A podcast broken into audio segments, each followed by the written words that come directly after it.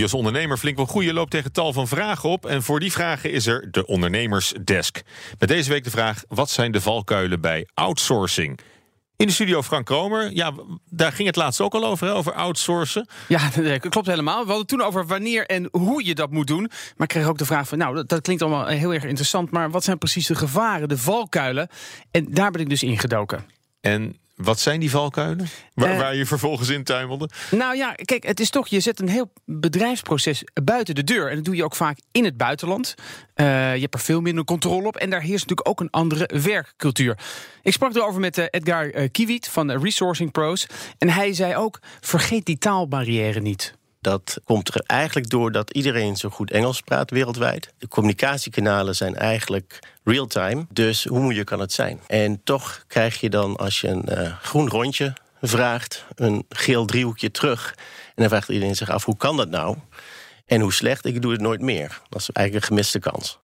Ja, maar je maakt gewoon afspraken tussen partijen. Ja, dus hoe moeilijk kan het zijn? Ja, dat, dat, ja, dat, dat dacht ik ook. Hè. Maar ja, kijk, ja, als je denkt dat je Engels uh, kunt, betekent nog niet dat je echt uh, goed business Engels kunt.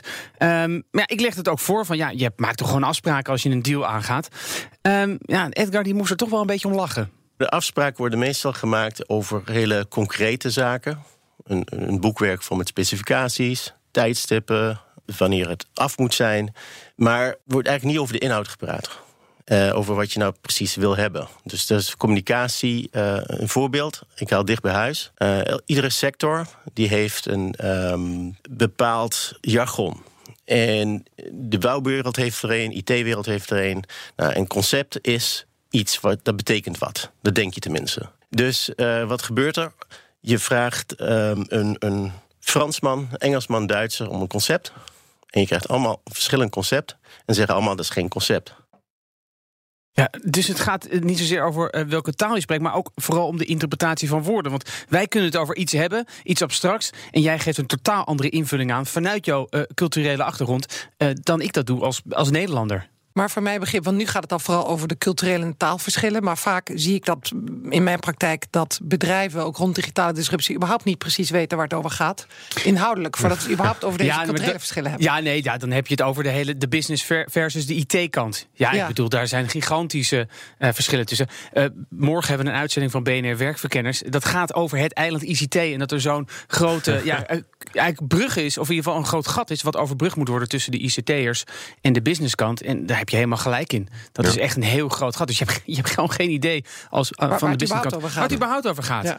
Hey, maar uh, Frank, er zijn natuurlijk stadbedrijven die processen outsourcen, maar die zorgen dan dat ze een specifiek aanspreekpunt hebben in, in dat, dat bedrijf waar ze hun productie naartoe brengen, bijvoorbeeld. Hè? De boots on the ground, ja. kun je zeggen.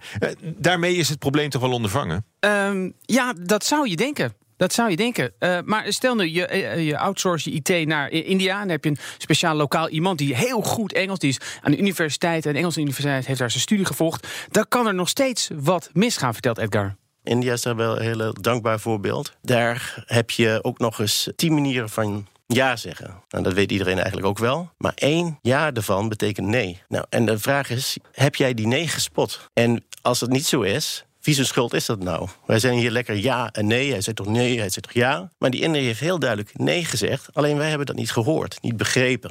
Ja, dus in de, in meest ideale situatie heb je dus eigenlijk iemand die beide culturen begrijpt. Dus dan zou je eigenlijk een Nederlandse Indiër moeten hebben die daar zit, of andersom in Nederland. Um, dus dat is wel echt vaak een probleem. Naast het hele het verschil tussen, dat je, uh, tussen de business en de IT-kant. Um, voor als je kijkt naar dienstverlening, is het toch handig om een deel uh, echt bij huis te hebben. Uh, beide klanten moet je eigenlijk niet op afstand willen doen. Dus je kan het proces ergens laten maken, maar zodra het op dienstverlening aankomt, is het toch niet heel verstandig om dat aan massa buiten de deur te zetten. Ja, ik had een beetje de indruk dat er, dat er ook steeds meer aan backsourcing werd gedaan. Dat, dat juist productie weer werd teruggehaald. Omdat ja. ook, ook de, de kwaliteitscontrole uh, bijvoorbeeld heel, heel, lastig is op afstand. Ja, dan heb je het zo uh, mooi, met een mooie termen insourcen. Ja. Dat je een ex, extern bedrijf ja. binnen zijn huis haalt. En dat je er veel meer controle over hebt. En dat je ook echt weet wat de processen zijn en wat er speelt. Ja, ik geloof sowieso voor je belangrijkste competenties voor de toekomst. Die zul je moeten insourcen. Nou. En helemaal omdat business en IT uh, direct moeten samenwerken. Nou, dan zijn, dan zijn we eruit, Frank. We eruit. Dankjewel voor de business desk, de ondernemersdesk van, de, van deze week. Ondernemersdesk over groei wordt mede mogelijk gemaakt door NIBC. NIBC, de bank voor ondernemende mensen.